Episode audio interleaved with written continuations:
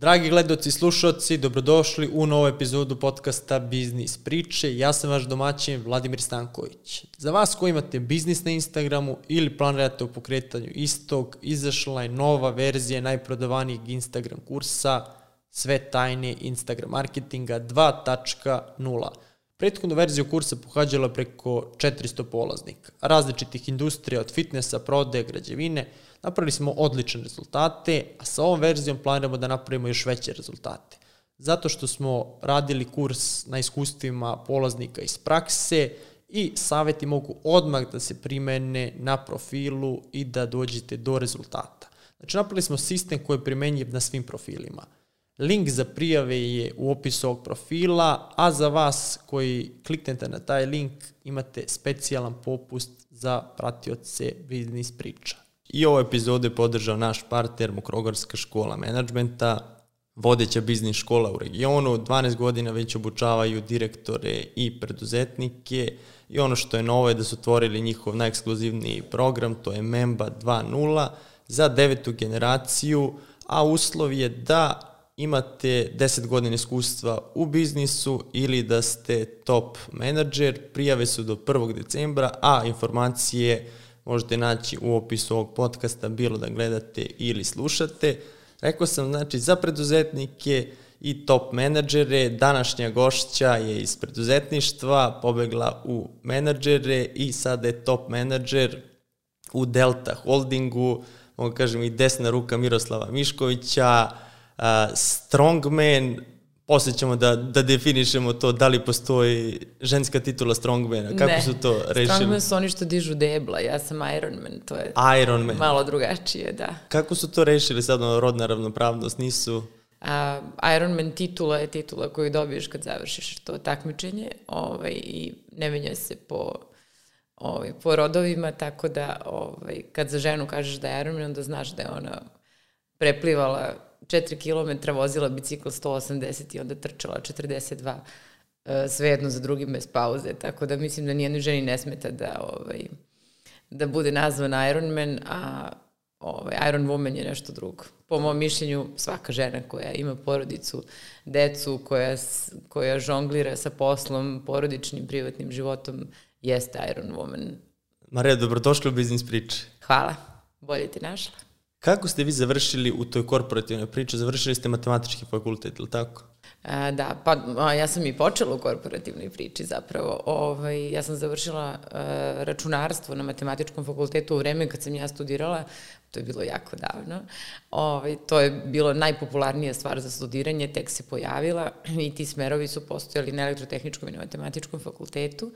A, ja sam to studirala iz velike ljubavi prema matematici i sa idejom da a, uhvatim budućnost, odnosno da kroz računarstvo a, sebi obezbedim posao budućnosti, što je u to vreme bilo ono što danas zovemo programiranje.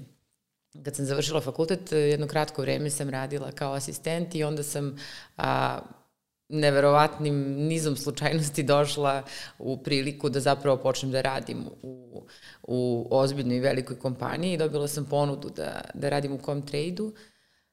Tada što sad iz ove, ta, sa ove tačke gledišta zvuči zaista neverovatno, ali Microsoft nije postojao u Srbiji i Comtrade je dobio priliku da dok se ne otvori kancelarija Microsoft u Srbiji predstavlja tu kompaniju ovde, odnosno prodaje njene proizvode. I ja sam bila prvi zaposleni i osoba koja je počela to da radi. To, a, s jedne strane nije bilo teško zato što niko nikad to nije radio, pa nismo imali sa čim da poredimo moju a, uspešnost ili neuspešnost mog posla, a sa druge strane a, bilo je izazovno jer je to bio prodajni posao i ja sam došla u, u tim koji se bavio prodajom raznih stvari koje su bile vezane za IT i prvi dan sam shvatila da postoji nešto što se zove ovaj, invoice, profaktura, otpremnica i pojma nisam imala šta je to, ali ovaj, naravno da takve stvari nisu mnogo teške i da se daju naučiti, tako da moj prvi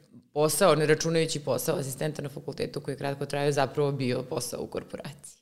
Znači, odustali ste da budete programer ili... A, pa... Ili ste krenuli sa to nekom... Došla sam u sales i shvatila posle nekog vremena da mi to ide, da volim to da radim, da u tome uživam i nijednog trutka se nisam osvrnula na to što sam nekad mislila da ću biti programer. Jednostavno shvatila sam da radim nešto što volim. A čovjek kad dobije priliku da radi nešto što voli, u čemu je dobar, nema potrebe da to kvari time, e, da razmišlja o tome da je uložio dobar deo godina da uči nešto drugo. Ja mislim da je to što sam naučila na fakultetu pre svega e, donelo to da sam naučila da brzo učim, da temeljno učim, da mogu da naučim sve i da umem da primenjujem to što sam naučila. A da konkretna stvar koju sam učila na fakultetu je tu zapravo u drugom planu. I to i danas govorim svim mladim ljudima koji dolaze da rade kod nas. To pitanje čisto postavljam baš za, za fakultet obično pri kraju, ali dobro da smo se dotakli te teme. Znači su to one stvari koje kasnije znače kad završite fakultet, ovo ostalo ćete naučiti u praksi, ali imate neku osnovu, to što ste vi sad naveli, E, pa e, sigurno nisam računala da će mi jednog dana u životu jako trebati teorija realnih i kompleksnih funkcija, ali ono što mi je trebalo u životu jeste ta navika e, da mogu da učim, da razumem da čovjek može da nauči sve ako se dovoljno tome posveti i dobre, dobre radne navike i rekla bih da nam fakultet na neki način i razvija naše kognitivne sposobnosti i omogućava nam da razumemo i učimo stvari brže nego neko ko nije prošao kroz taj zaista strog drill koji je u to vreme predstavljao fakultet koji sam ja studirala, a verujem da je i danas tako. I koliko ostajete u Comtrade-u? U Comtrade-u sam bila nešto preko pet godina napredovala sam tamo, radila sam različite stvari, prešla sam, kada je Comtrade otvorio svoju softversku kuću Spinnaker, prešla sam u Spinnaker, a tu to sam... što su spojili, bio je Vesi pa je priča baš kad su, kad su spajali, ili to to? A, e, kasnije je on kupio Aha. Hermes pa je to spojeno, okay. ali uh, Comtrade je prvo bio ono box moving kompanija, kad sam ja tu došla, CT Computers prodavao je hardware, i prodavao je software u kutijama, verovali ili ne. A, Windows i Office su bili proizvodi koji su se nalazili u kutiji, pa ih ovako otvorite i onda to... Unboxing. Da, ovaj, a onda je otvoren, Vese uvek imao fantastičnu, ovaj, fantastičnu sposobnost da predvidi budućnost i uvek je radio stvari u pravom trenutku i to je zaista uh, sjajna osobina koju on posjeduje, tako da je on uh, shvatio da će posao u IT-u ići ka softveru i uslugama od hardvera i otvorio je Spinnaker, ja sam prešla u tu firmu i tu sam bila a, izvršni direktor te firme i takođe sam ponovo uh, najviše upravljala salesom, znači mi smo imali i konsultante i programere, Spinakir je tada počeo da radi Microsoft na Vision i još neke softverske proizvode i usluge, ali ponovo je moj posao bio vezan za sales. Ispostavilo se da, uh, da sam dobro u tome da komuniciram sa ljudima, da umem da uspostavim poverenje, uh, pošto nije isto prodavati kutije i uh, servise, odnosno neke dugoročne proizvode, za ovo drugo je zaista potrebno da imate uh, odnos sa kupcem koji traje dugo, to nije da nešto prodaš i pobegneš, uh, to su stvari gde moraš da ostaneš i kreiranje dugoročnih odnosa sa kupcima koji su vrlo zahtevni, pri tome veoma obrazovani, jer su to bili uglavnom IT direktori velikih srpskih kompanija, ispostavilo se da mi, je, da mi to ide i da mi je to okej, okay, tako da sam i u tom poslu uživala. I nakon pet godina gde prelazite? A, nakon pet godina sam ponovo dobila ponudu da ovaj, promenim posao i dobila sam ponudu da a, vodim jednu kompaniju koja je tada nastajala u real estate-u, o kome naravno ništa nisam znala. I a, e, to je bila kompanija Verano Invest koja je u to vreme krenula da radi nekoliko velikih projekata, a projekat koji je prvi započeo bila je, bila je današnja Zira, I imala sam priliku da učestvujem u tom projektu od prvog dana, dakle od pravljanja idejnih projekata i kasnije detaljnog projekta do kompletne izgradnje, do izdavanja i rukovodđenja tim objektom i to je bilo za mene zanimljivo jer zaista o tome nisam ništa znala i mogla sam mnogo toga da naučim. I e, volala sam taj posao, to je bilo okej. Okay. Za vreme tog posla sam a, naučila u svakom poslu vi naučite a, od mnogo ljudi koje sretnete i sa kojima radite, naučite vrlo često mnogo toga šta treba da se radi i kako treba i učite kakav ćete jednog dana menadžer biti, takođe naučite i šta ne treba da se radi. I na šta svakom da poslu da koji radi. sam radila, naučila sam i šta ne treba da se radi od menadžera sa kojima sam radila. To važi za svaku kompaniju u kojoj sam radila, uključujući i ovu sad. I onda je to, a, mnogo je važno da umete to da, da razaberete i da shvatite, aha, od ovog menadžera sad ovo što učim je dobro, ovako treba jednog dana da radim i ja, a ovo ovako ne treba. Odnosno, mislim, tu ima prosto pravilo koje je postavio Tom Peters jako davno, to je da se sećate to dok ste mladi i dok imate priliku da radite sa menadžerima raznovrsnim iznad sebe, da uvek pamtite stvari koje vam se nisu dopale, kad su bile rađene vama i prosto pravilo nemojte to da radite drugima kad dođete u priliku da ih vodite.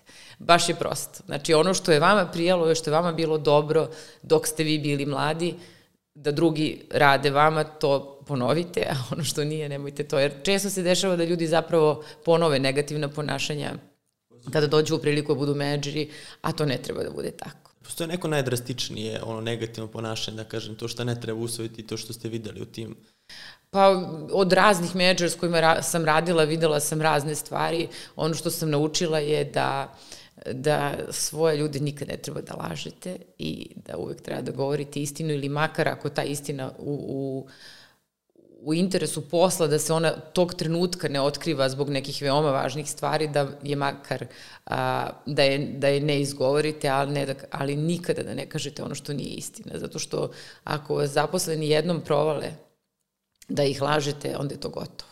Onda se poverenje gubi za uvek i više jako ga je teško povratiti. Tako da to, to ono što sam naučila da uvek e, treba da se prema svojim zaposlenima bude transparentan i otvoren, koliko to naravno pozicija i vaša i vašeg zaposlenog konkretnog i trenutna situacija dozvoljava. Ali lagati, folirati, to nikad, mislim, nije donelo dobar rezultat. A šta je s druge strane bilo najpozitivnije što ste videli od tih starih menadžera u tom trenutku? Da ste se oduševili, rekli, hoću ja da usvojim. Da, vođenje računa o ljudima koji sa vama rade odnosno pokazivanje toga da vam je stalo, to je mnogo važno. Dakle, da ljudi od kojih očekujete da rade sa vama i da daju sve od sebe, jer bez toga ne možete ni vi da uspete, razumeju i pre svega osjećaju da je vama jako stalo.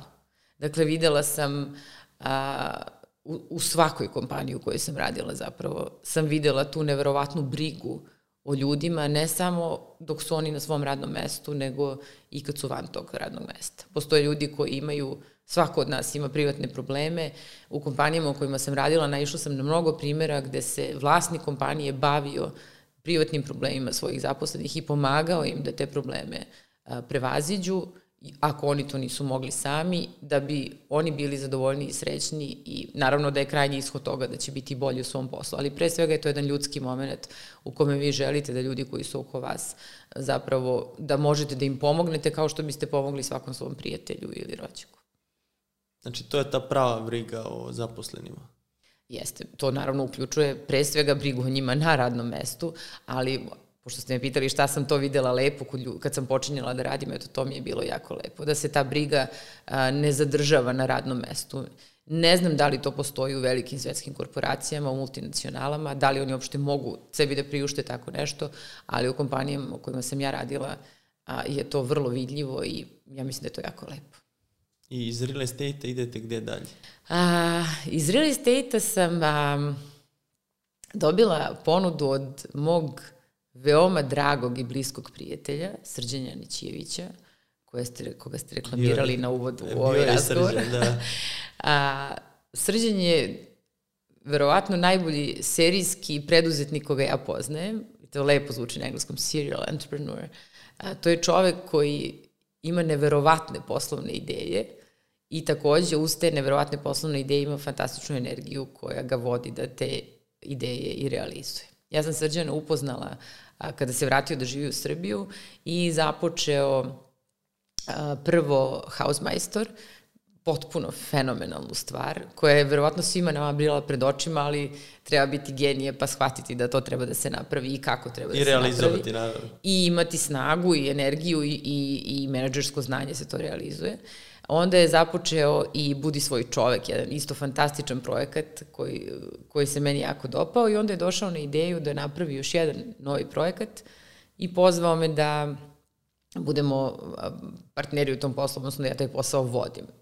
I da budem i partner u njemu. Meni to bilo super zanimljivo, nikad nisam bila u preduzetničkom svetu i uh, taj posao se zvao Asistel. Uh, to je bila usluga za ljude koji su u određenim godinama žive sami i sastoju se u tome da ti ljudi nose na sebi jednu narukvicu koja ima panic button, znači jedno dugme koje mogu da pritisnu ako im se desi da slučajno padnu u kadi bilo gde u kući i tako dalje. To dugme je omogućavalo da se automatski sa telefona pozove uh, call center asistela, odakle se naravno zove hitna pomoć, članovi porodice i tako dalje.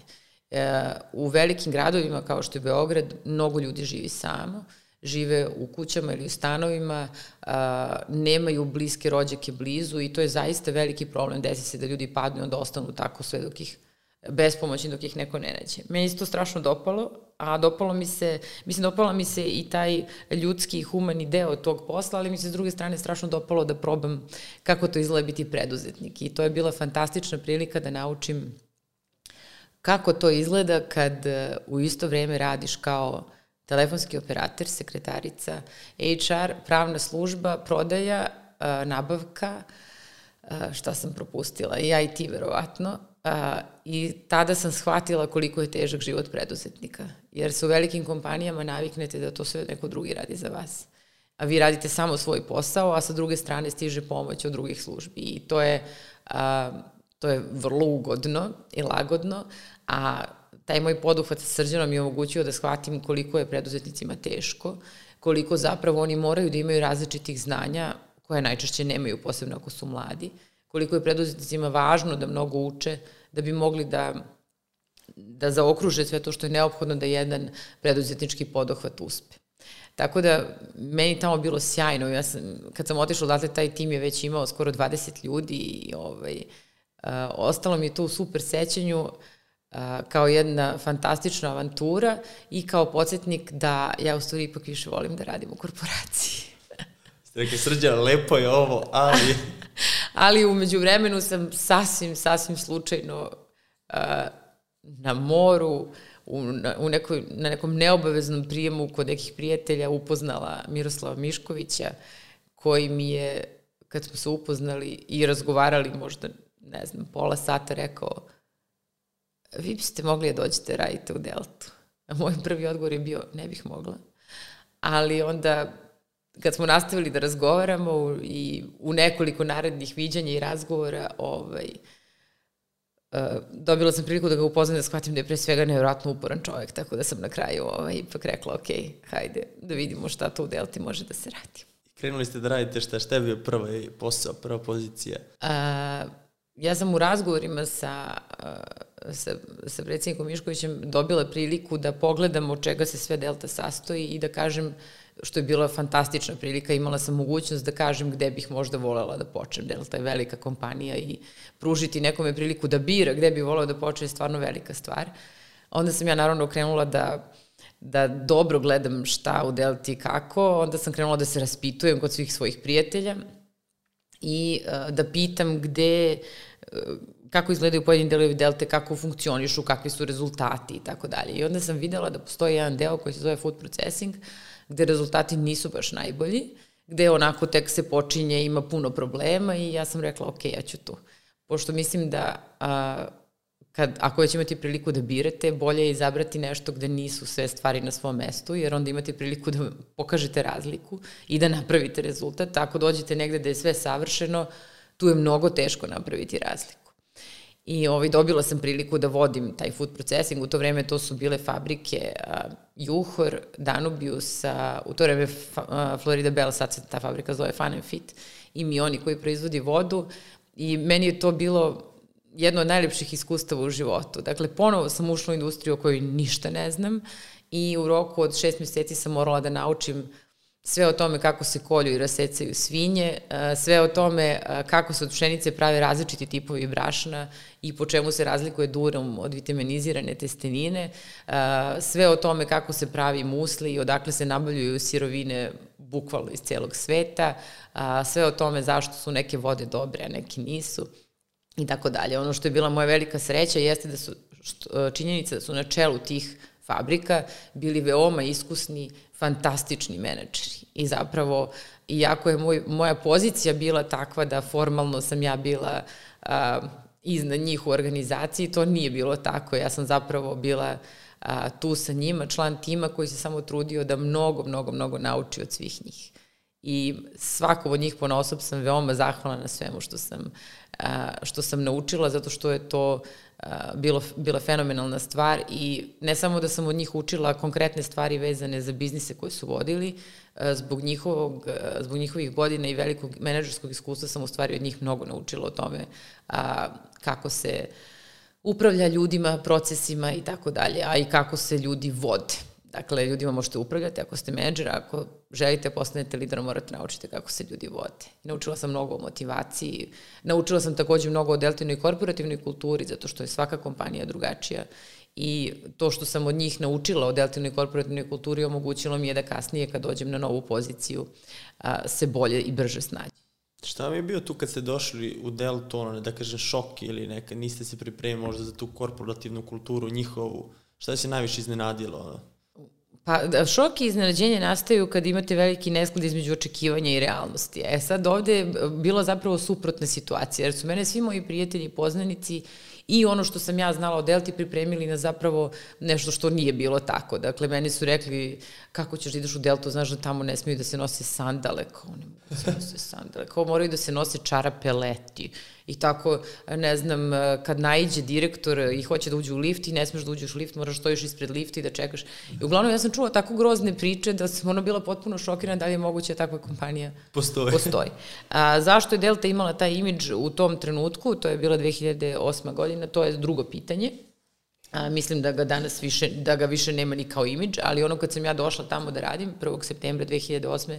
ja sam shvatila da ta kultura baš i nije takva da su to neke pojavni oblici koji već u tom trenutku nisu ni postojali, dakle ja sam nosila sandale na posao, a, ali da ono što je Delta odvajalo od drugih kompanija bila ta a, prvo neverovatna, neverovatno usmerenje ka uspehu koje postoji danas. I mi kad god imamo strane konsultante koji nam rade analizu kompanijske kulture i tako dalje, ono što i njih najviše a, potpuno zadivi je taj neverovatna orijentisanost ka uspehu I da, da bukvalno ljudi su toliko orijentisani ka, gol, ka, ka cilju koji imaju da, da sve podređuju tome da se taj cilj ostvari. Uh, meni se to dopalo i zato verovatno sam i ostala ovoliko godina u Delti što mi ta kompanijska kultura odgovara. A, dopala mi se velika posvećenost poslu, a, da, malo stroži i uštogljeniji način komunikacije, ali to je bilo 2008. Danas je Delta mnogo drugačija od toga i mislim da smo to drastično promenili, ali dopala su mi se jasna pravila, ja, jasne, pro, jasni procesi, jasne procedure, dakle, ko hoće i kome prija taj način rada, nije imao problem da se uklopi. I kad pričamo o kompanijskoj kulturi, to je mnogo važno ovaj, da se kaže da a, ja mislim da ne postoji naravno osim ekstrema. Ne postoji dobra i loša kompanijska kultura. Jednostavno postoji kompanijska kultura koja vam odgovara ili vam ne odgovara.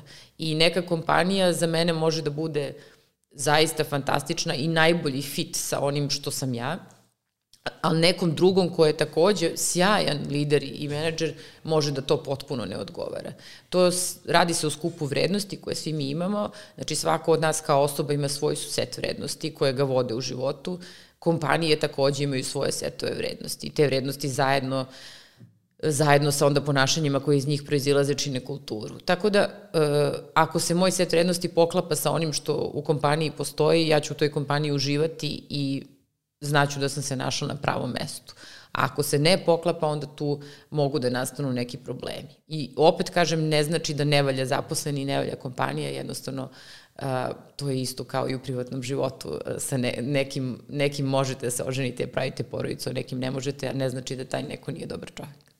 E sad u tim prvim danima šta mi je bilo najteže da, da se priviknete na to i šta je bio najveći izazov tih prvih nekoliko godina kad ste došli u Deltu?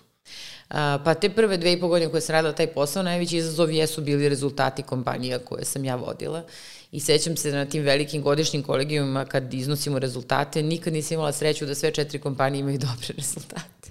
uvek je neko bio dobar, neko je bio loš, uvek je moralo da se objašnjava zašto su neki rezultati bili loši i to je baš bilo onako, bilo je naporno i teško, jer smo pratili ovaj, četiri biznisa koji svaki za sebe, veliki biznis sa velikim brojem zaposlenih, sa problemima i ovaj, nije bilo lako i izazov je bio u stvari naći ljude koji će mi u timu pomoći da, da te biznise vodimo kako treba. Ne mislim na direktore pojedinačnih biznisa, nego na centralizovane funkcije prodaje, marketinga i tako dalje. Tako da to je baš bilo onako teško. Vi ste se, pričali ste već da Delta ne zapošljavate ljude koji imaju neko radno iskustvo. Vrlo redko. Zašto to i kako to izgleda?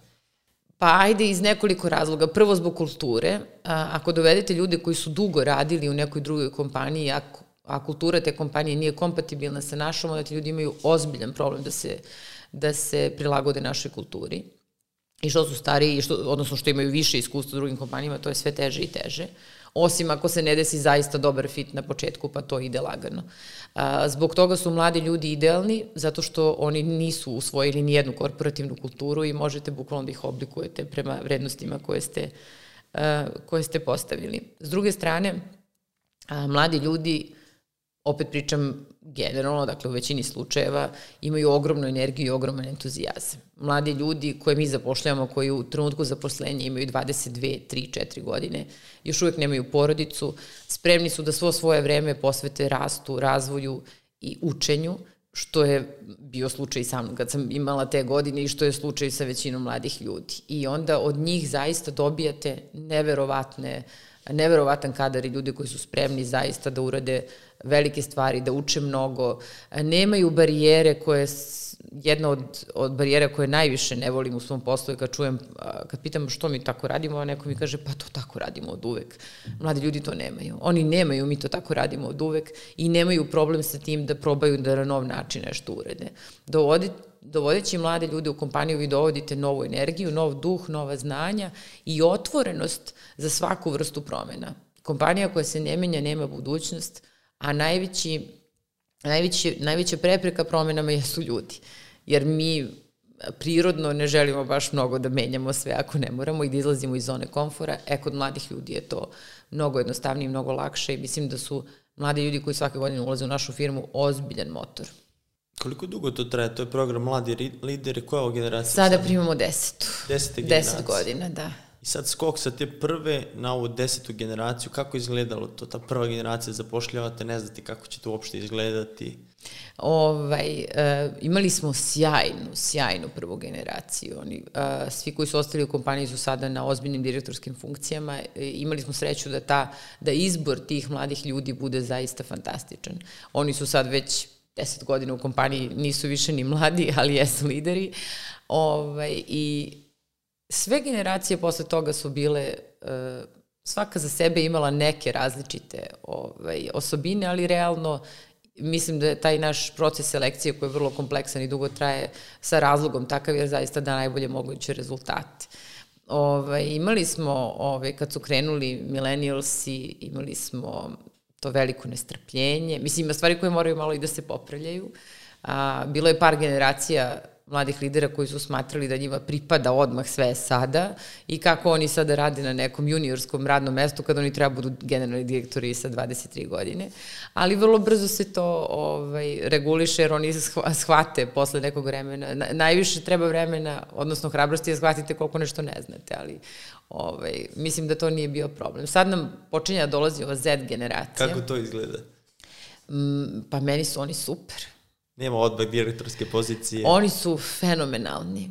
E, znači, mi već sada ćemo početi a, već za godinu ili dve da zapošljamo ljude rođene u 21. veku, što je potpuno a, neverovatno, ali već ovi sada koji dolaze, to su mladi ljudi rođeni sa gadgetima u rukama, a, kojima je normalno da putuju po svetu, da li stvarno ili makar a, preko interneta, koji su otvoreni, koji, uh, koji ni na koji način nisu zadrti, nisu zatvoreni u neku određenu kulturu, geografiju um, i, i, i slično tome. Znači, oni su potpuno otvoreni za sve. Jednostavno imamo utisak kao da su to građani sveta koji dolaze kod nas. I to je sjajno. Sve više i više ih dolazi sa stranih fakulteta i uživamo u tome da radimo sa njima. Zaista ovaj, e, imaju zrelost, imaju veoma razvijenu svest o važnosti društveno odgovornog poslovanja, to ranije nismo imali nikada, ovo je sada prvi put.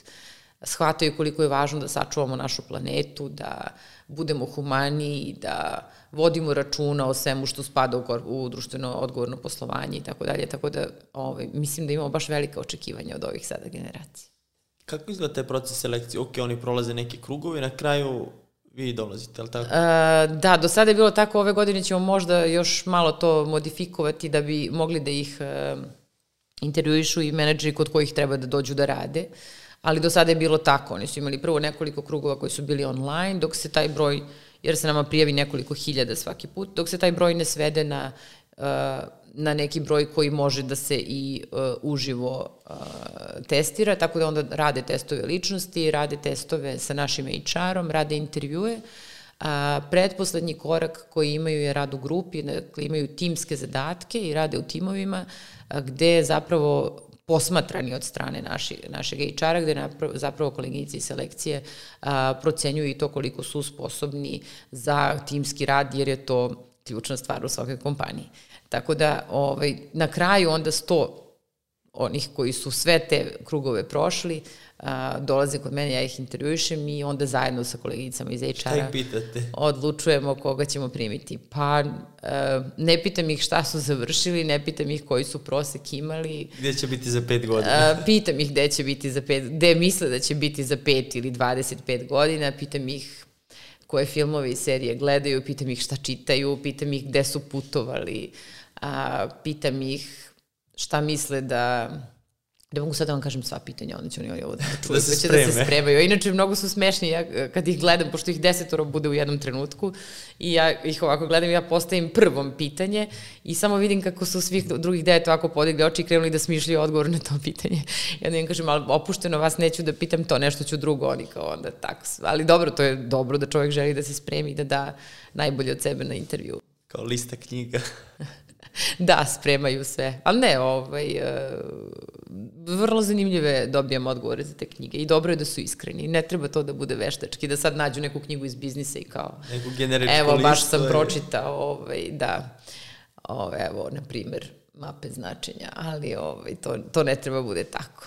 Ok je da čitaju Harry Pottera sa svim. Sad će biti fazon da nađu knjige koje vi preporučite ovde i pa krenu da, redu.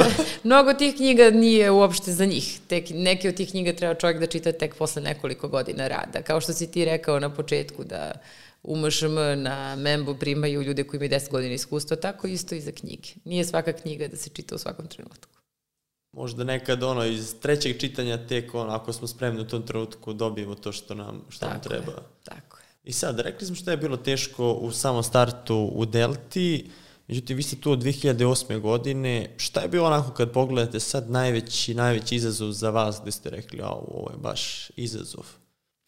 Uh, najveći Mislim, bilo je mnogo izazova. Ja mislim da, inače, svaki posao jednog menadžera koji već ima neke godine iskustva iza sebe jeste to što svaki dan dođe ujutru u kancelariju i to je lepo što si rekao izazov zapravo probleme i sedne i rešava probleme. To je, to je moj posao. A razumevanje toga, prvo ja sam došla u Deltu 1. septembra 2008. u trenutku kad je kolabirao svenski finansijski sistem i kad smo ušli u ogromnu krizu koja je trajala naredne dve godine Znači, došla sam u kompaniju koja je bila ogromna, a, veoma finansijski potentna, kupovala, razvijala i tako dalje i kretala u ogromne projekte. I ja sam onda došla u trenutku kad je to se sve u svetu urušilo, ali to imalo posledice naravno i na kompanije u Srbiji.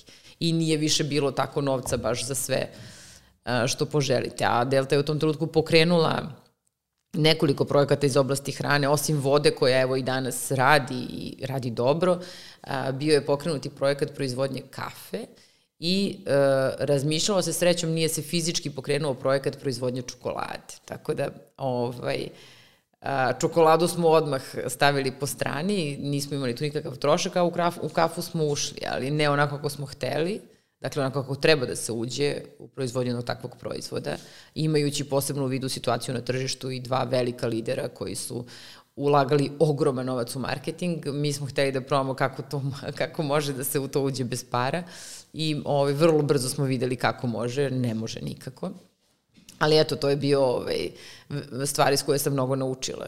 Da zapravo neke stvari, većina stvari vezana za FMCG industriju se radi onako kako treba da se radi. Dakle, odvoji se marketing budžet, radi se pametno a, i mora da se bude strpljiv, ne može da se gerilom a, napravi kafa da bude prodavanija od Grand ili Don kafe, tako da ovaj, iz grešaka ljudi mnogo nauče, tako da to ovaj, takođe dobro. Samo nije mi bilo prijatno u tom trenutku. Sad kad se osvrnem i kad razmišljam o tome, to je jedna veoma, veoma mala stvar, ali ovaj, ponela sam dosta ovaj, pouka odatle. Ali u tom trenutku kad ste razmišljali kao možda, sigura možda, možda ja nisam spremna, možda ja ovo ne znam ili... Pa nisam ja, nije trebalo ja da znam, trebalo je da zna tim koji se time bavio i sa kojim sam ja radila, divne kolege i moj kolega koji je taj projekat vodio i sada direktor jednog velikog biznisa u Delti, veoma uspešan. A ovaj, nisam ja to prebacivala sebi, više sam prebacivala okolnostima i uopšte našoj nemogućnosti da na pravi način to izvedemo, a što smo mi imali želju da probamo i bez pravog načina. Nekad ta želja nije dobra, mislim, nekad čovjek treba da se na vreme suoči sa, sa situacijom i da kaže, ok, ovo ne treba. Međutim, nije, nismo mnogo izgubili, nisu to bile neke prevelike investicije, a mnogo smo naučili, tako da i dan danas se ovaj, smejemo sebi za tu kafu. I kažem, u dobro je što nismo ušli u čokoladu. Bar biste interno koristili tu kafu i čokoladu. Pa ja ne pijem kafu, više bih imala koristi od čokolade. Od čokolade. Da. I sad rekli ste, dođete u kancelariju i rešavate probleme. Kako izgleda taj jedan radni dan? A, pa radni dan izgleda tako što mi je uglavnom napakovan sastancima od ujutro od pola devet do negde vremena ručka.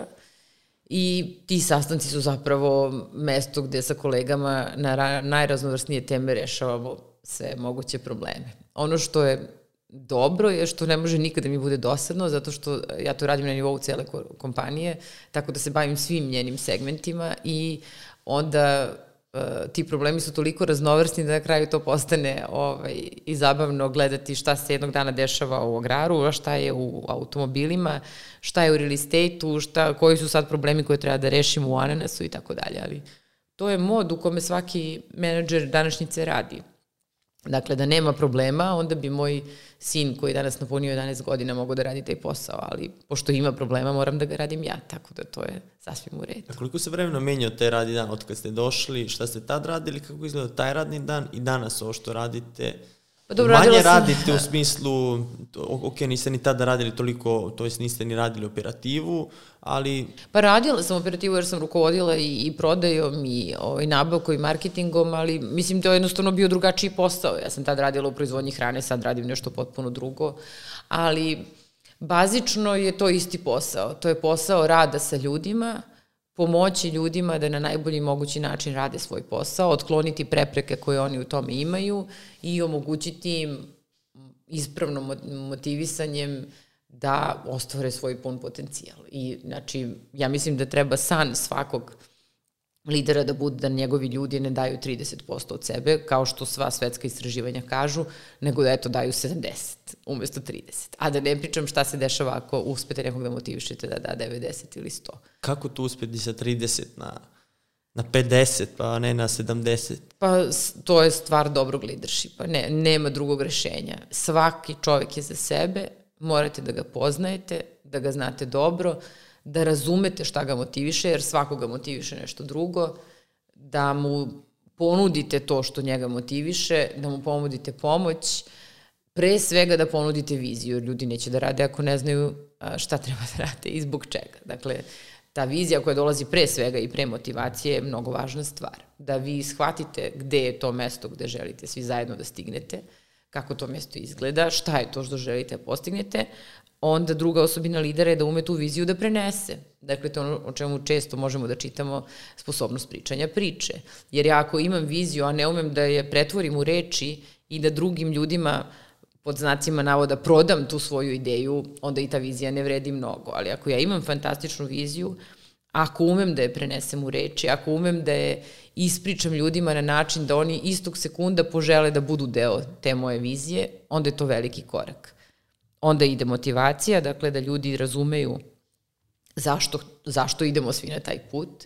Mnogo je važno ljudi razumeju koje je njihovo mesto u tom timu, na koji način će oni moći da se ostvare e, tako što su članovi tog tima i šta je tu za njih u celoj toj priči.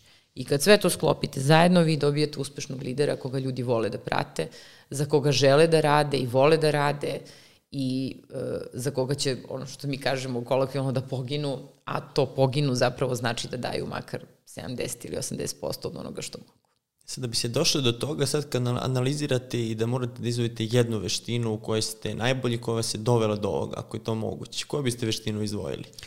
To je baš teško. To je baš teško pitanje.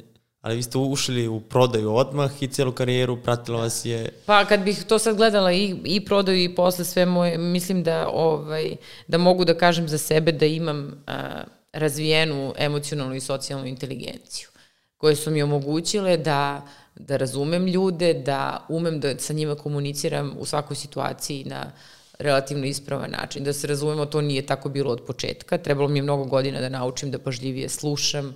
Trebalo mi je mnogo godina da naučim da kad mi neko iznese svoj problem, ne stavljam sebe u, u tu situaciju i dam odgovor kako bih ja to rešila, nego da pokušam da sednem u stolicu te osobi, da shvatim kako ta osoba u tom problemu može da reaguje. Znači, to se sve uči i dolazi sa godinama. Ovaj, ali uh, ako imate uh, određeni stepen te socijalne inteligencije, to mnogo pomaže. Mnogo pomaže. I ono što sam naučila je to da ja sam s ljudima uvek iskrena, moji ljudi uvek znaju na čemu su sa mnom. Ovaj, uvek, uvek, uvek. Znaju na čemu su, znaju, dobijaju ono što se zove u menadžerskoj literaturi immediate feedback.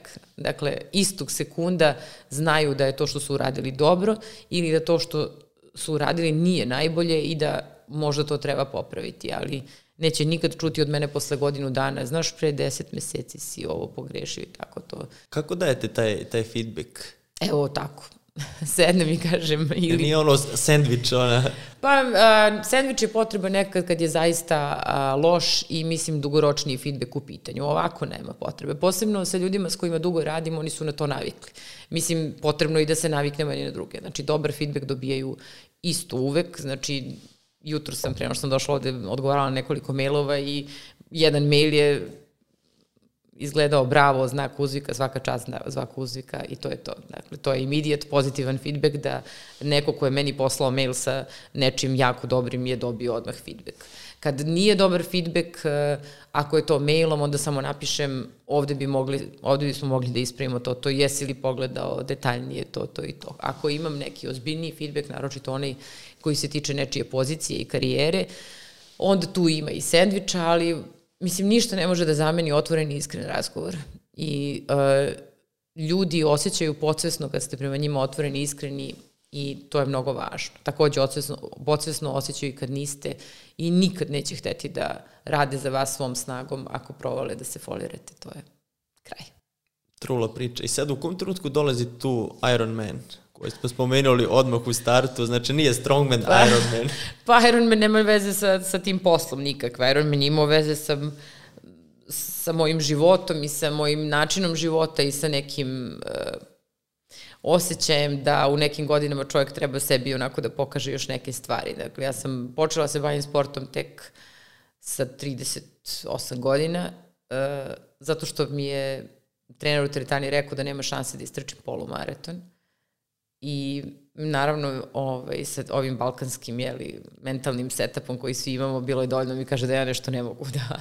I da ja kažem, čekaj što ja to ne bi mogla. I prvi polumaraton sam istrčala kad je Filip, koji je danas rođen, imao šest meseci, tako da ovaj, i uspela sam to, a danas od, od mog trenera s kojim i dan danas treniram posle mnogo godina, ovaj, imam u polumaratonu vreme brže, mislim, 20 minuta.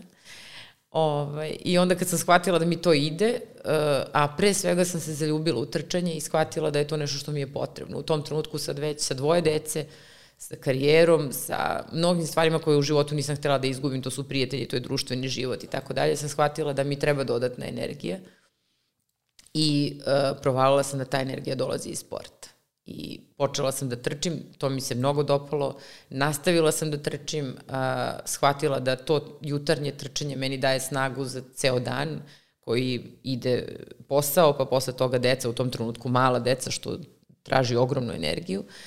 Uh, pošto sam mnogo trčala, onda posle nekog vremena si, sam počela da se povređujem, jer se nisam ranije bavila sportom, onda sam dobila ovaj, od trenera preporuku da osim trčanja uvedem i bicikl, jer bicikl odmara mišiće, a drži kondiciju.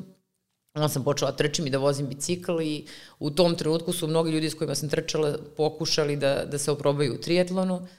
A, meni je problem bio što nisam umela da plivam. Mislim, umela sam da, ovako da, da, da. moru, ali nisam nikad u životu probala da napravim kraul zamah. I onda sam ja u 40 godina odlučila da naučim da plivam i, i naučila sam da plivam. Danas kad biste me videli to izgleda jako dobro, iako ja i dalje ne volim da plivam. I onda sam naučila da plivam i onda sam sa svojim triatlonskim trenerom odlučila da se spremim za Ironman. Uh, dogovorili smo se da odvojimo godinu dana. Ja sam mu rekla koliko vremena imam, to je jedan sat dnevno, plus vikendom malo više i on je u odnosu na to meni napravio a, program treninga koji, koga sam se ja pridržavala godinu dana i koji mi je omogućio da završim trku koja se smatra najtežim sportskim događajem na svetu. Koliko je trajala ta trka? U jednom trka? danu. U mom slučaju je trajala 13,5 sati.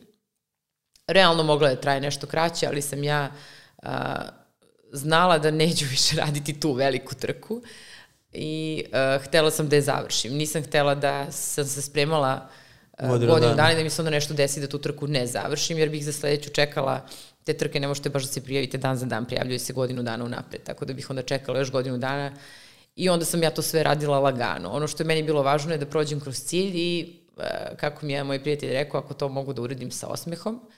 I tamo vas oni na slici, na toj trci snimaju sve vreme, vi ne vidite to gde su ti ljudi s kamerama, sa aparatima, posle dobijete slike, ja imam slike sa cele trke, osim na plivanju, jer tad nas nisu slikali, na svakoj slici imam osmeh od ove do ove. To je za mene bilo najvažnije. Što je za mene ta trka bila uživanje. I što sam ja, kad sam prošla kroz cilj, posle 13,5 sati, naravno, prvo toliko su te emocije jake da sam pomešano se smela i plakala, ali ja sam se osjećala snažno.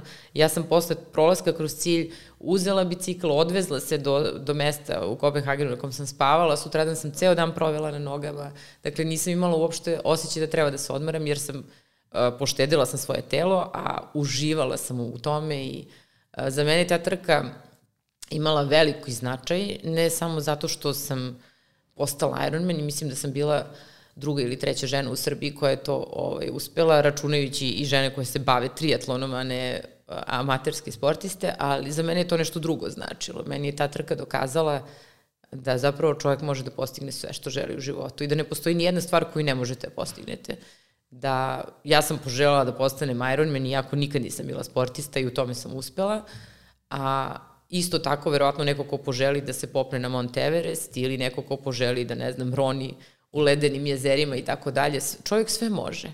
Pitanje je samo koliko to želite i koliko ste spremni da žrtvujete neke druge stvari da bi se ta jedna stvar ostvarila. Za mene to bila mnogo važna lekcija, jer sam i sebi, a što je još važnije, mojoj deci pokazala da ovaj čovjek može sve.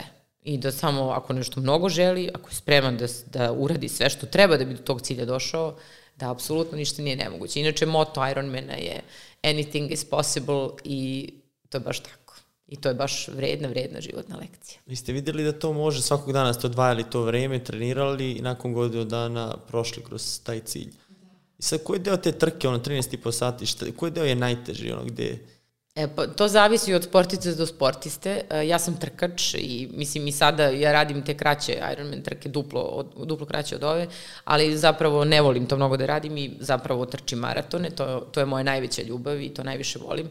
I pošto sam trkač, za mene je to što dođe na kraju, taj maraton od 42 km posle svega ovog što sam radila prethodnih 9 sati, ovaj, bio najlepši deo. Nije mi uopšte bilo teško. Obično ljudima taj deo bude težak. Meni najteže bilo da plivam jer ne volim da plivam i e, nije mi bilo lako da u Severnom moru plivam 4 km po mraku sa onim meduzama koje su plivale ispod mene. Ovaj, ali srećom taj deo je prvi i traje najkraće. To sam radila, mislim, sat i po. Ovaj, bicikl je najduži, to je 180 km, mislim, to je kod da vozite od Beograda do Kruševca bicikl. Ovaj, bilo je dosadno mnogo. Pevala sam, recitovala. Na Ironman takmičenjima je zabranjeno slušalice muzike? To je sve zabranjeno, ne smete nikakav, osim sata za triatlon ne smete imati kod sebe ništa, nego je zabranjeno i da sa drugima vozite zabranjen je draft, znači najbliži biciklista sme da bude 12 metara od vas i napred i nazad. Tako da ste sve vreme potpuno sami i sad ja sam 7 sati sedela na tom biciklu, mislim ne mogu ni da vam kažem šta sam sve radila u svojoj glavi, da mi ne bi bilo, osim što sam razgledala okolinu, ove, ali uh, zapravo je ta trka mentalno veoma teška. Pa to. to važi i za svaki maraton. Mislim, na maratonu Poslednji otkazuje telo, uvek prvo otkaže glava koja kaže ne možeš više. I to je uvek 30 i neki kilometar kad u mojoj glavi idu misli šta mi je ovo trebalo, treba ovo da zapamtim i nikad više ne treba trči maraton. Ko me natero trčim 42 km kad je lepo trčati krug oko Ade. Ja ne mogu više. Mislim, mozak jednostavno pokušava da vas zaustavi. Sve što treba da uradite u trenutku je da ubrzate trčanje i da, da shvatite da noge u stvari mogu. I ove, isto je to za Ironman, znači i zato se Ironmanom uglavnom i bave ljudi koji su već u nekim godinama. Najveći broj takmičara ima preko 40 godina. Kad ste već u, u, u tim godinama da mentalno ste u stanju s tim da se izborite. Ne samo na samoj trci, jer na trci imate i adrenalin i publiku i tako dalje, nego za vreme tih dugih treninga gde stvarno treba imati mentalnu snagu da vam ne bude strašno što ste sami i što nešto radite sami uh, dugi broj sati. Tako da, ovaj, Inače, mentalna snaga je važna za sve u životu, tako da ovaj sport je samo ovaj, dodatno pojačava, onda to super može da se vrati u biznis i da se koristi u biznis. Eto, kako ste to nakon te trke, ste primetili razliku u sebi, na poslu? Pa nisam nakon trke, nego jednostavno ti trenizi koje, koje ja sad, koji su za mene redovna stvar, su meni pomogli da u poslu budem bolja. Prvo, naučno je dokazano da kad ujutru završite trčanje, da, posle, da za vreme trčanja se u našem telu luče hormoni koji se inače luče a, kad je čovjek izuzetno srećan i ispunjen i ovaj, takođe neki hormoni koji se luče i kod uzimanja ovaj, lakih droga, tako da ljudi kad završe trening trčanja su imaju umanjen stres, raspoloženi su, imaju manje osjećaj bola i tako dalje. Tako da ovaj, ja kad dođem ujutro u svoju kancelariju, ja sam uvek nasmejena. to, I mislim da je to mnogo lepo, jer a, imam dolazim pozitivno, kao što znate, osjećanja se prenose kroz organizaciju i lepše je prenositi pozitivno osjećanja na sve svoje zaposlene. E, I takođe problemima prilazim s druge strane, dakle nisam namrgođena, ne vidim, pes, ne vidim pesimistički ovaj svet, nego baš obrnuto. Tako da mislim da sport u tome mnogo pomaže. A taj trening odradite pre posla ili nakon pre, posla? Pre, pre posla, posla, da. Pre posla treniram. I onda odmah kancelarija i kreće rad nasmejani. Tako je. Znači to, i sad kad pričamo, spomenuli smo a, i taj privatni deo i sad onaj projekat koji ste spomenuli, a realno je nov, a to je Ananas. Delta je pre koliko godinu i nešto to objavila. Mm, pre, objavili smo pre manje od godinu dana da ulazimo u taj projekat, a evo sad smo u test fazi. Šta znači to? Šta je to? Je li to srpski Amazon? Je li? Da, pa ne srpski, trebalo bi da bude regionalni, um, regionalni da Amazon jugoistočne Evrope, recimo tako, da bi to, mislim, malo zvuči to preterano, ovaj, ambiciozno reći Amazon, ali u Delti su svi projekti preterano ambiciozni ili makar ambiciozni, ja mislim da je to dobro, jer ako nemate velike snove i velike ciljeve, ne, nećete mnogo daleko stići. Tako da ideja je da napravimo marketplace, kao što je Amazon ili kao što je Allegro ili kao što je Mercado Libre, na kome će e, moći da se pronađu svi prodavci i svi kupci. Dakle, to je ideja, da svako ko nešto prodaje može da dođe i da to proda na ananasu, a da će kupci tu dolaziti da kupuju zato što imaju veliki izbor robe i zato što će moći na jednom mestu da kupe sve što im treba. Naravno, takav poduhvat je ozbiljno veliki, zahtevan, e, ne samo finansijski, nego pre svega zahtevan u smislu znanja. U našem regionu niko to nije uradio uh, Krenuli u tom smislu. u Hrvatskoj, pa su kad je Agrokor pukao. Da, ali to je, e, mislim, radi još uvek, to se zove Abrakadabra, ali uglavnom se oslanja na, na konzum. Dakle, niko nije seo i ozbiljno napravio marketplace, gde će svi moći da, da svoju robu nude.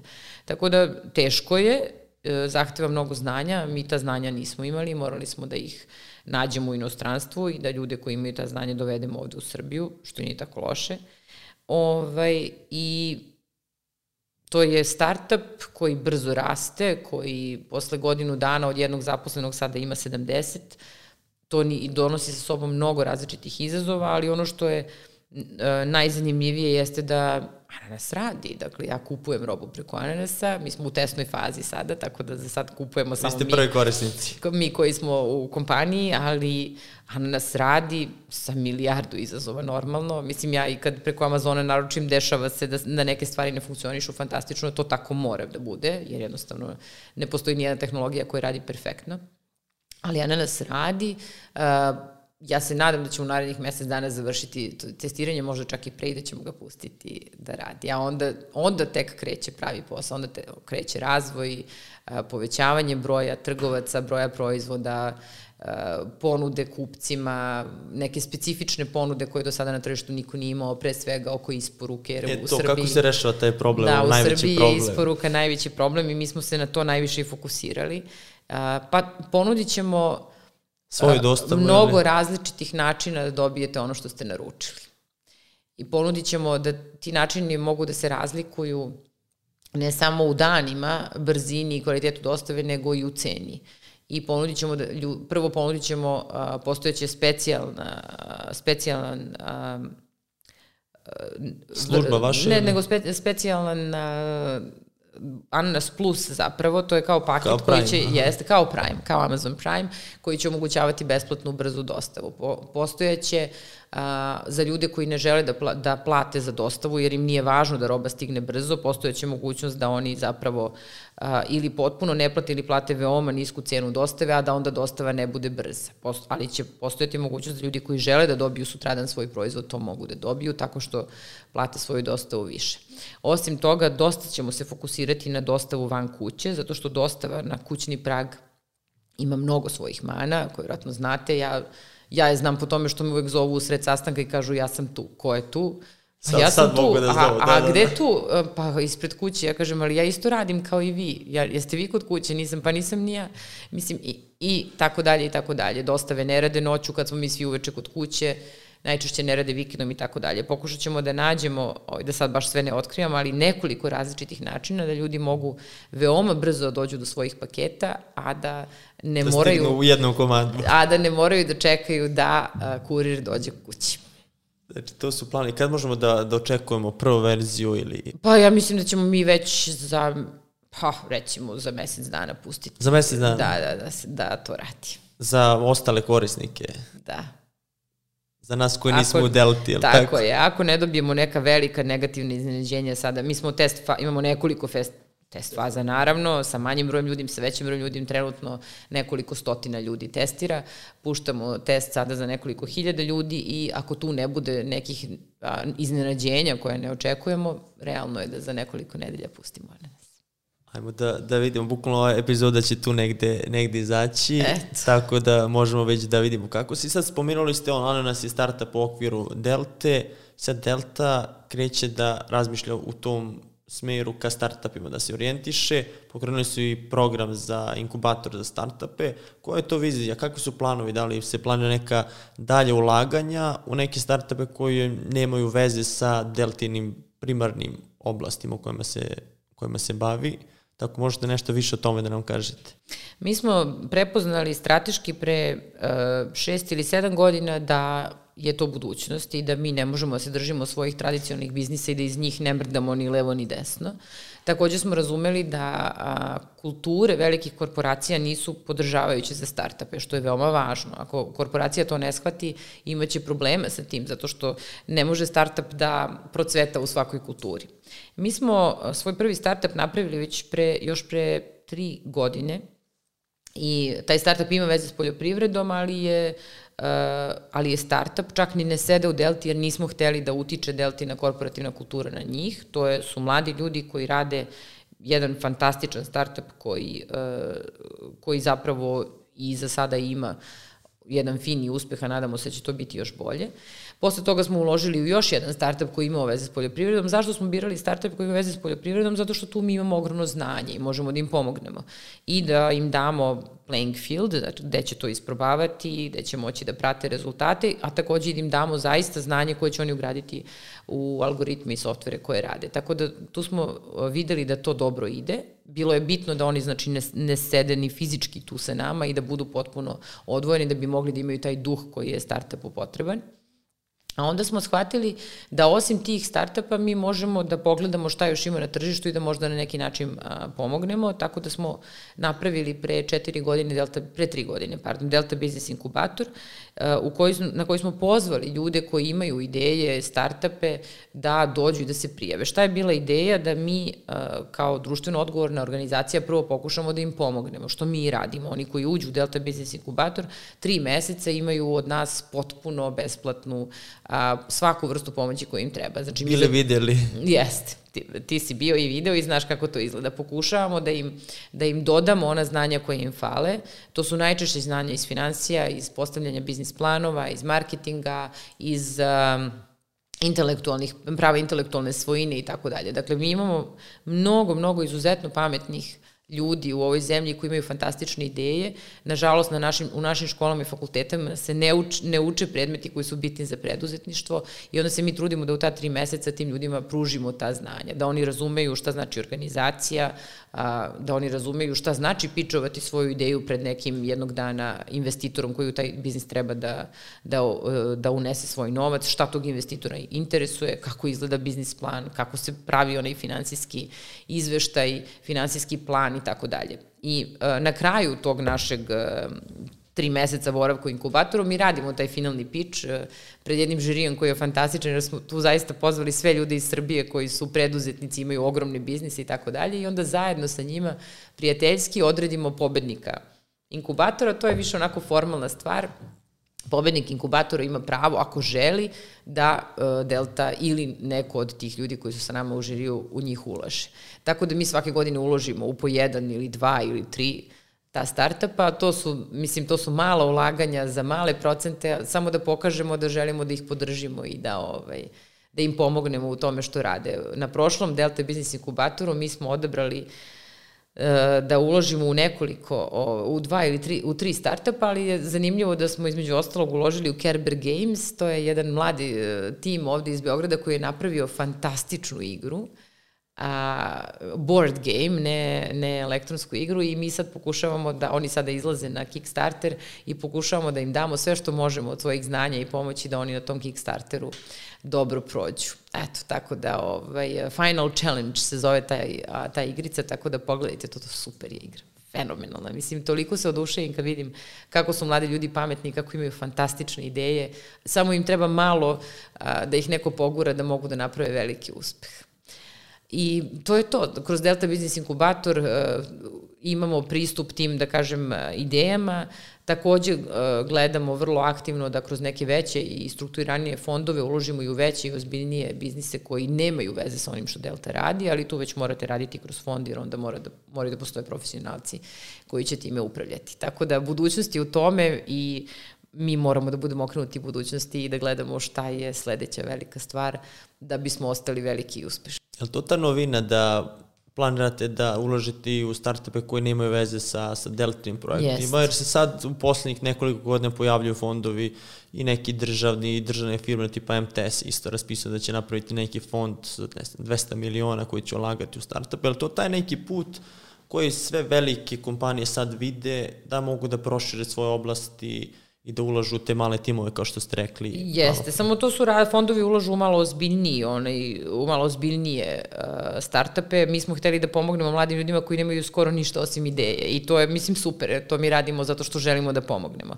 A sad ovo drugo što znam da i Telekom ulazi u to, to su već fondovi i kod fonda je druga priča. Tu mi kao kompanija nemamo šta mnogo da pomognemo osim što dajemo novac, ali onda oni koji upravljaju fondom, a to su profesionalci koji samo to radi, koji znaju kako se to radi, onda oni utiču na to gde se ulaže, kako se ulaže, koji su sledeći koraci, šta je pre-seed, šta je posle toga, pa one A, B i tako dalje, investicije. Ali to je nešto čime se bave profesionalci koji upravljaju fondovima, mi samo možemo da im damo novac i poverenje da će to da urade kako treba. A slažem se da, da treba mnogo više nas time da se bavi, zato što je Srbija dobro tle za startupe i to vidite kroz ovo što, što radi Digitalna Srbija i tako dalje. Znači, treba da nas bude što više, da se time bavimo, da bismo pokrenuli taj preduzetnički duh u ovoj zemlji za koji mislim da nije dovoljno razvijen. Radimo na tome da, da razvijemo i to je, kažem, gledoci, motivišu se, gledaju ove priče, ljude koji dolazi iz Srbije, da može nešto se napravi i to nam je ono... Gledaoci koji gledate ove priče, ne verujte mami i tati kad vam kažu da je državni posao, siguran posao. I da kad hoćete raditi nešto sami kažu nemoj, nemoj, bolje ovo da imaš sigurnu platu. To je toliko prošli vek. Toliko je prošli veka. I to guši preduzetništvo. Guši, ali kaže sad mlađe generacije koje dolaze, ni ne razmišljaju, iako su i možda i pričali, ma koja, ni siguran posao, ni državan posao, i onda ono budućnost za državnu ono, administraciju, da, da kažem posebno te neke teme IT, vi da dobijete programera nekog da radi po tim uslovima, to, to će biti baš veliki izazov. I svi koji sanjate budete programeri, ne budite budete programeri, budite software inženjeri i u, dajte dodatnu vrednost tome što pišete kod. Pisanje koda će da bude uh, posao kakav danas obavlja, ne znam, naš traktorista. Znači to je važan, vredan posao, sve u redu, ali oni koji maštaju o velikom uspehu, mora da se doda vrednost na to. Koja je tu razlika sad za ljude koji, ne znam, rekli ste programer, software inženjer? Pa, ja su to možda tako se i ne kaže, ali ovaj, ja to sad pričam iz svog iskustva, moj sin želi da bude software inženjer i bavi se time, ide na takmičenje. To mu je najveća ljubav koju ima. I onda mu ja kažem, to što ćeš ti da naučiš da napišeš kod prema nekom algoritmu i arhitekturi koji ti neko drugi da, to je posao zanatski, to je zanatlija, to je ono što u 19. veku bi onaj, što ne znam, bilo koji zanatlija, ajde sad da ne pravim poređenje. Ali ako ćeš da budeš inženjer, onda tu mora da se ugradi mnogo više pameti. Onda si ti taj koji treba da napravi algoritam, onda si ti taj koji treba da odredi arhitekturu nekog sistema. Onda je to dodatna pamet na svu to i onda je to nešto što mnogo više vredi. Inače, naučiti programski jezik i kodirati, pa to je baš lako. Znači, osmislite ceo sistem. Tako je, ili makar deo za početak. I sad, e, od 2008. ste u Delti, je li tako? Šta ste najviše naučili od gospodina Miroslava Miškovića? Uh, mnogo toga. Ako može nešto da, da se izdvoji, verujem da je teško, ali... E, prvo pre, preporučujem da se pročita knjiga Ja tajkun, zato što ovaj, veliki broj lekcija koje sam i ja naučila se tamo nalazi mi smo zajedno na toj knjizi radili, tako da smo istakli one stvari za koje su stvarno najvažnije. Ovaj, pre svega da su ljudi osnov svega i da bez ljudi nema ništa. Možete imate para koliko hoćete, ako nemate ljude, ništa neće uspeti. A da vam oduzmu sve pare koje imate, a ostave vam vaše najbolje ljude, pa opet ćete nešto od nule napraviti. Ljudi su, a, ljudi su početak i kraj svake kompanije, ljudi su ono što čini kompaniju. I e, samo tako što birate najbolje, držite ih motivisanim i nagrađujete na najbolji mogući način, može da vam moguće budete uspešni i ne postoje ove, ovaj, izuzeci od toga. Ljudi su ključ i bavljenje ljudima je mnogo važna stvar. Druga zanimljiva stvar koju sam od njega naučila, koja je i onako malo zabavna, jeste to ono što nama stalno priča ovaj, ko mnogo radi nema kada misli, to je super i to je tako. Ako se zatrpate operativnim poslom i ako se bavite samo operativom, ako ne dopustite drugima da to rade, a sebi oslobodite vreme za razmišljanje, to nije dobro. Onda ste o, običan operativac koji je zapostavio druge veoma važne stvari u poslu. Tako da mislim da svako od nas mora o tome svaki dan da razmišlja. Koliko stvari je proveo, koliko vremena je proveo u operativnim stvarima, koliko je svog dnevnog vremena ostavio zaista za razmišljanje. Kako izgleda to razmišljanje u okviru radnog vremena? Sednete pa na, na papir olovka ili u nekim aktivnostima? Svako moguće. Moje razmišljanje počinje ujutru dok treniram, pošto tad imam jedan sat samo za sebe i već tad počinjem da razmišljam. Razmišljam dok vozim, razmišljam, uh, nekad sednem u kancelariji, pa vredko se desi, imam vremena da nije sastanak, pa sednem, pa ali uh, više razmišljam kad nisam baš fizički ovaj, uh, u kancelariji, Mislim, razmišljam sve vreme o poslu, valjda to tako mora. Kad voliš svoj posao, normalno je da o njemu razmišljaš sve vreme. Ali ako se ti baviš operativnim stvarima sve vreme, onda tog vremena za razmišljanje nema. I ja uvek volim kad uđem kod njega u kancelariju, on nema nigde nijedan papir u kancelariji, ništa. Ima neki iPad, tamo stojimo na stolu, ne mislim ni da to koristi vrlo često i ono vidim, stoji pored prozora i gleda kao u onoj knjizi nekoj, ovi, znam da ima neki taj menadžer što je gledao kroz prozor stalno, eto. I u stvari čovek dok razmišlja i dok pusti da mu mozak procesira sve to, dolazi na dobre ideje, to je mnogo važno. A ako je zatrpan operativnim poslom, mozak nema vremena da se time bavi. To ono spomenuli ste da su ljudi ključni, ali to ono kad je on bio odsutan gdje je rekao da, da je to najproduktivniji period bio za, za Deltu, gdje on nije bio tu, a Delta radila i pravila rezultate bolje nego... Mi smo imali tih šest meseci uh, 2013. godine najbolji rezultat do tada, naravno posle toga smo taj rezultat mnogo puta popravili, ali mi smo se tu smejali, rekli smo baš je dobro kad niste tu, dobro nam ide, ovaj, iako tu ništa nije bilo smešno. A ovaj, on čovjek nije bio na odmoru tih šest meseci, pa da mi kažemo nije bio tu, a mi smo super radili. Ne samo mi smo bili pod ogromnim pritiskom, zato što je svaka naslovna strana u svim novinama bila namša, zato što se pisalo da ćemo mi nestati. Znači, pritisak od koji smo mi radili je bio neverovatan. Ratno stanje, bukvalno. Bukvalno i biti u, biti u mogućnosti po takvim pritiskom ostvariti rezultate je velika stvar. A druga stvar, zbog koje smo moje kolege i ja, koje smo u tom trenutku vodili kompaniju najponosniji, i naravno i predsednik treba bude zbog toga najponosnije, da u tih šest meseci nijedna osoba iz Delte nije otišla. Svi smo imali ponude za posao, neko manje, neko više, ali baš svi. Jesu krenuli baš od intenzivno u tom periodu? Uh, svi smo imali ponude za posao, ali ni jedan jedini uh, menadžer, ne znam sad za neke zaposlene koji su možda na proizvodnoj liniji i tako, ali o, o, top, middle i low management nijedna jedina osoba nije otišla iz Delte. E to pokazuje uh, šta je ta kompanija napravila za svoje zaposlene, da kad dođe težak trenutak, kako oni se toj kompaniji, kako oni to vraćaju. I to je neprocenjivo. Da u tom trenutku shvatite šta ste u stvari napravili. Jer u najtežim trenucima vi u stvari vidite da li je sve to što ste ceo život stvarali bilo dobro ili ne.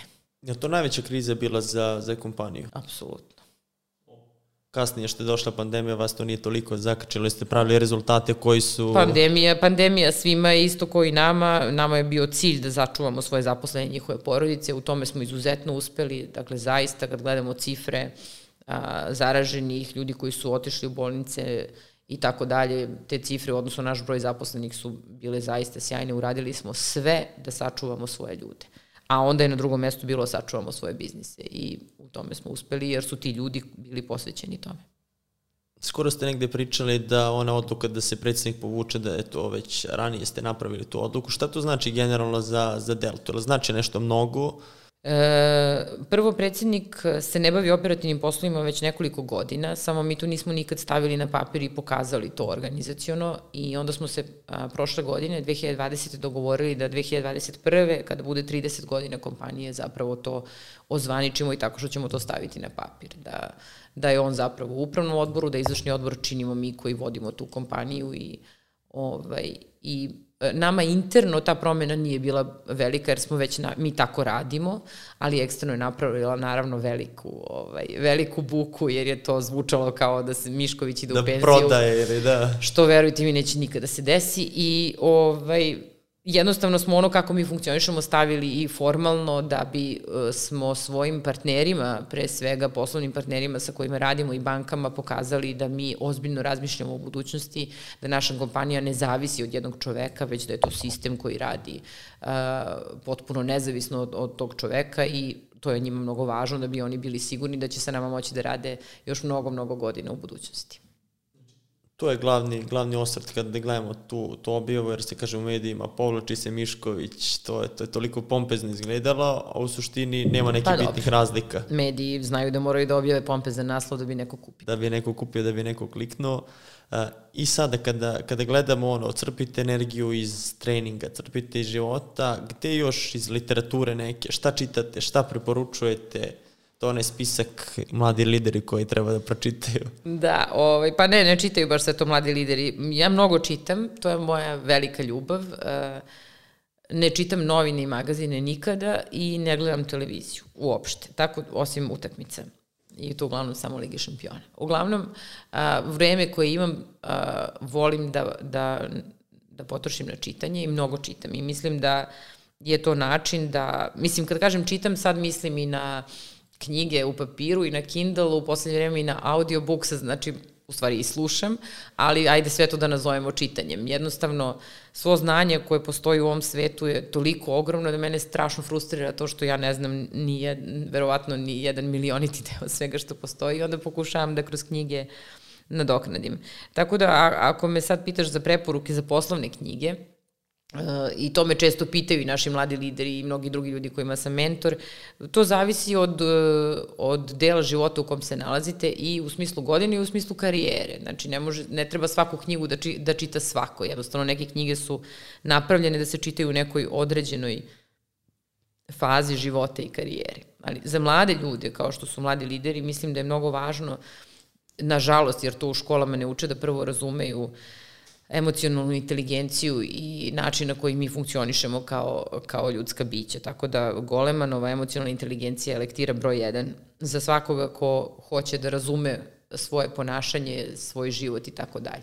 Postoji još mnogo, mnogo knjiga iz psihologije koje su veoma važne, ali evo da izdvojimo. Uh, Thinking Fast and Slow, odnosno misliti brzo i sporo. Uh, to je knjiga za koju je njen autor dobio Nobelovu nagradu, koja objašnjava kako naš mozak radi. Uh, i pobija tvrdnju da smo mi savršeno racionalna bića, jer zapravo nismo. Imamo e, mnogo tih biases koje zapravo utiču na naše razmišljanje i donošenje zaključaka i kad čovjek to pročita i shvati da uopšte ne donosi racionalne zaključke, nego naprotiv, onda u, kasnije u životu pokušava da svaki put u situaciju prepozna i da se vrati na pravi put i da proba da donese ipak racionalnu odluku.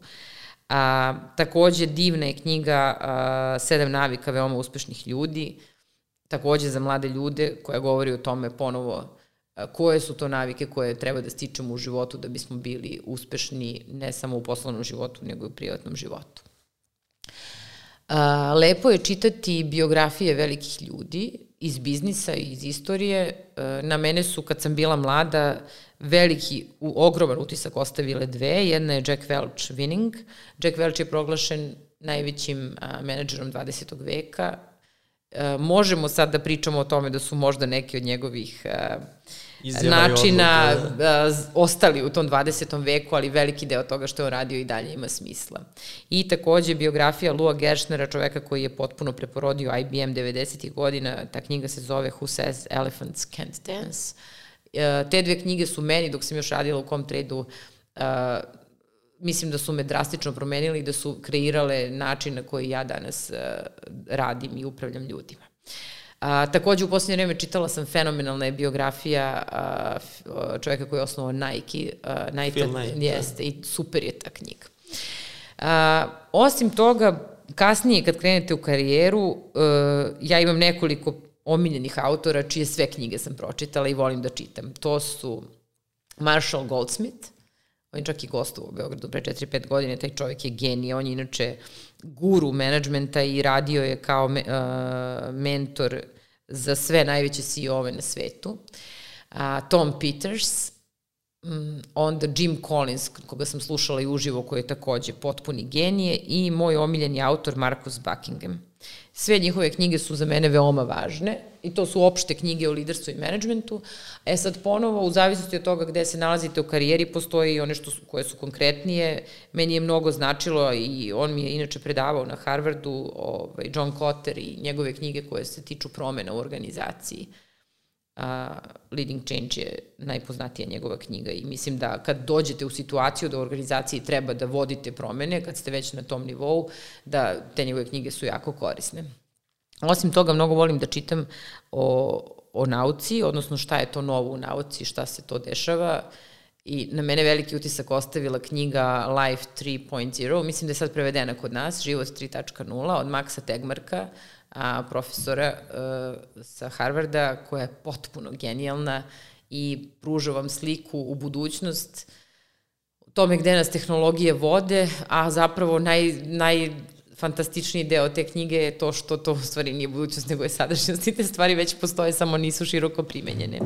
A, uvek bih preporučila da se pročita knjiga Prosvećeni svet Stevena Pinkera, a, posebno sada u ovoj eri a, strašne a, malverzacije društvenim mrežama i mogućnošću da se, da se glupost širi i, i reklamira tu mislim na ove razne teorije zavere, ravne zemlje, 5G, antivakseri i tako dalje. Dakle, stravično je što je naš svet došao u 21. veku u situaciji da kad znamo da je najveće dostignuće nauke u istoriji čovečanstva vakcina, da vi danas imate ljude koji a, kažu da neće se vakcinišu jer sam zaboravila sam sad sve te stupidne razloge koji dovode do toga da mnogo ljudi umire i to je strašno. I zato da bismo se odbranili od toga i da bismo razumeli koliko je nauka važna i neupitna u svakom smislu, preporučujem knjigu Prosvećeni svet. Takođe, da bismo bolje razumeli našu civilizaciju, preporučujem Hararija, dakle Sapiens i,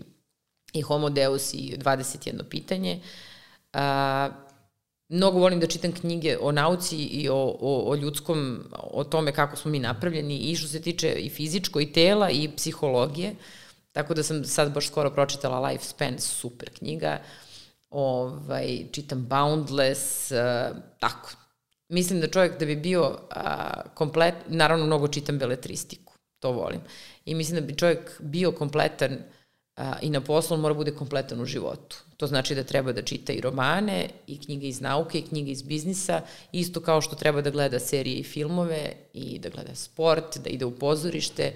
Jednostavno, što imate šira gledišta i što više stvari dolazi do vas, vi ćete imati a, makar malo kompletniju sliku sveta oko nas. A bez te slike sveta oko nas, kako ćete da vodite i ljude i biznis? Verujem da, da ljudi nisu mogli da pohvataju cijelu listu ako su hvatali... Premotajte. Be, be, ne, ne, beleške za, za preporuke knjiga. Sve knjige ćemo navesti znači, u listi, možete imate link u opisu, možete da skinete, znači bit će nekih lista će raskoči za 50%, ali imate, imate dobre preporuke za, za čitanje. Spomenuli ste i hardware i usavršavanje. A, koliko Delta ulaže i koliko je vama značilo to što Delta ulaže u obrazovanje, da možete da putujete gde hoćete i da se usavršavate gde hoćete? Delta ulaže mnogo I znam da smo, ja uvek ponavljam tu rečenicu, ne mogu sad setim koji je to CEO američki rekao, kad su ga pitali kao kako ulažeš tako mnogo ljude, onda oni odu. On je rekao pa mogu da ulažem i da odu, a mogu da ne ulažem i da ostanu. mnogo je gore da ne ulažem i da ostanu, pošto onda imam ljude koji na, ne napreduju, a rade za mene. Tako da to isto i mi radimo. I kad odu ljudi kažemo, ok, otišli, ali mi smo ulagali. Mnogo ulažemo u ljude, mnogo, dakle broj obuka po čoveku u Delti je veliki. Uh, a, trebalo bi da svaki zaposleni u toku godine ima, ima mogućnost da ide na obuke. A, naravno, u zavisnosti toga na kom radnom mestu radite, obuke se razlikuju.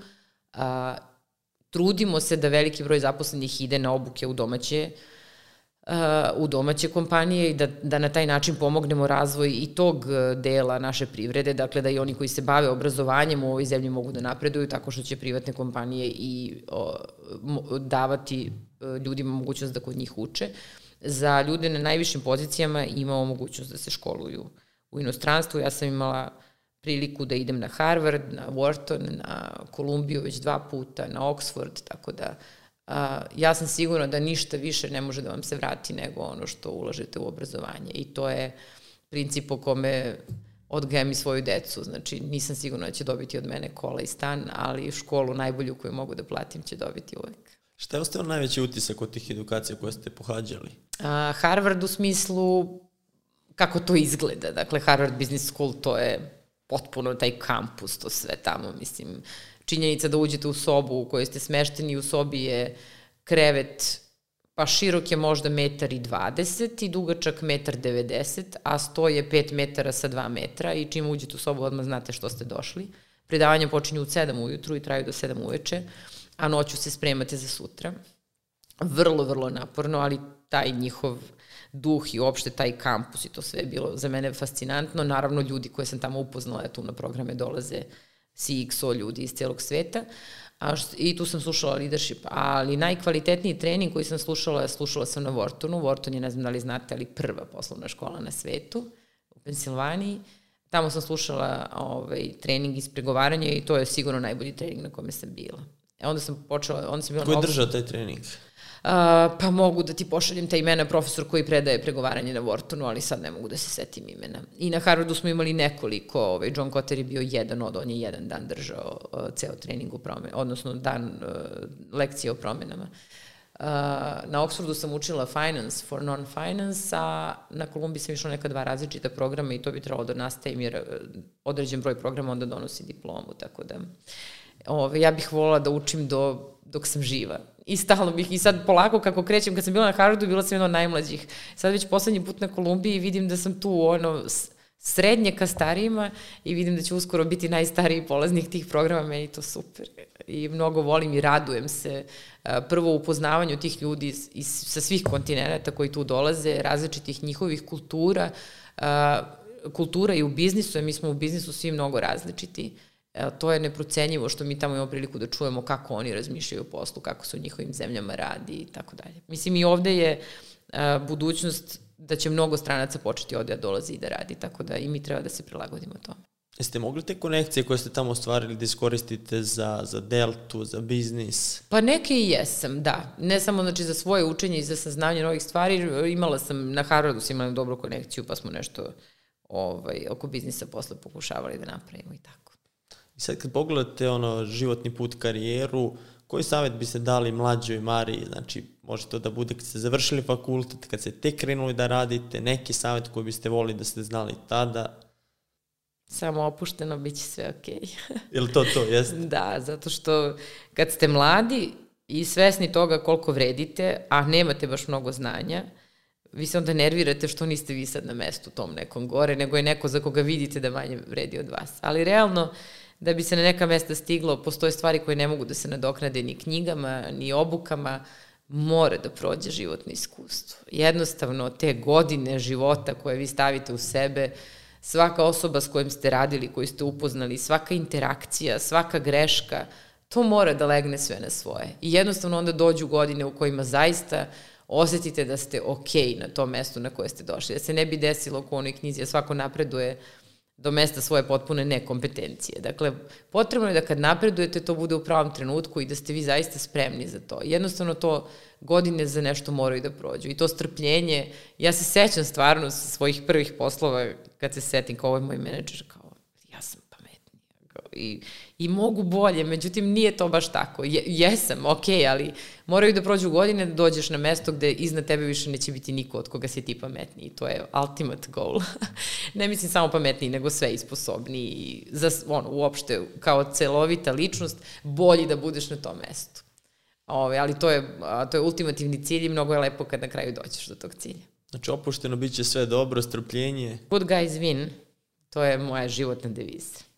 Sad za kraj, da li imate nešto što vas nisam pitao da želite da podelite, da neka poruka za kraj, rekli smo dosta poruka, ali ako hoćete nešto sad da istaknete ili da dodate, oduzmete. Čovjek treba da prihvati svaku priliku koja mu se pruži u životu. Da sam kad sam završila fakultet i dobila ponudu da radim u kom tradu, rekla pa neću, ja ću da ostanem da budem asistent, jer sam baš htela da budem asistent i da budem programer, ništa od ovog se ne bi desilo. I svaki put kad sam dobila novu ponudu za posao, sa nekima sam i pogrešila, sa nekima nisam, ali se nešto sam naučila i nikad se nisam kajala, jer da to nisam izabrala, ne bi me put odveo dalje. Tako da, ovaj, čovjek treba da prihvati baš svaku priliku koja je, i da ne, ne treba što o tome mnogo da se razmišlja pustiš da život ide putem koji je, kojim je namerio i samo se trudiš da sve vreme budeš najbolji u onome što radiš. I osmeh. I osmeh, normalno. Marija, hvala što ste bili gost Biznis priča. Hvala tebi što si me zvao, uživala se. Takođe, listu knjiga stavljam u opis, tako da ne morate da, da pišete, pa se vidimo u narednoj epizodi.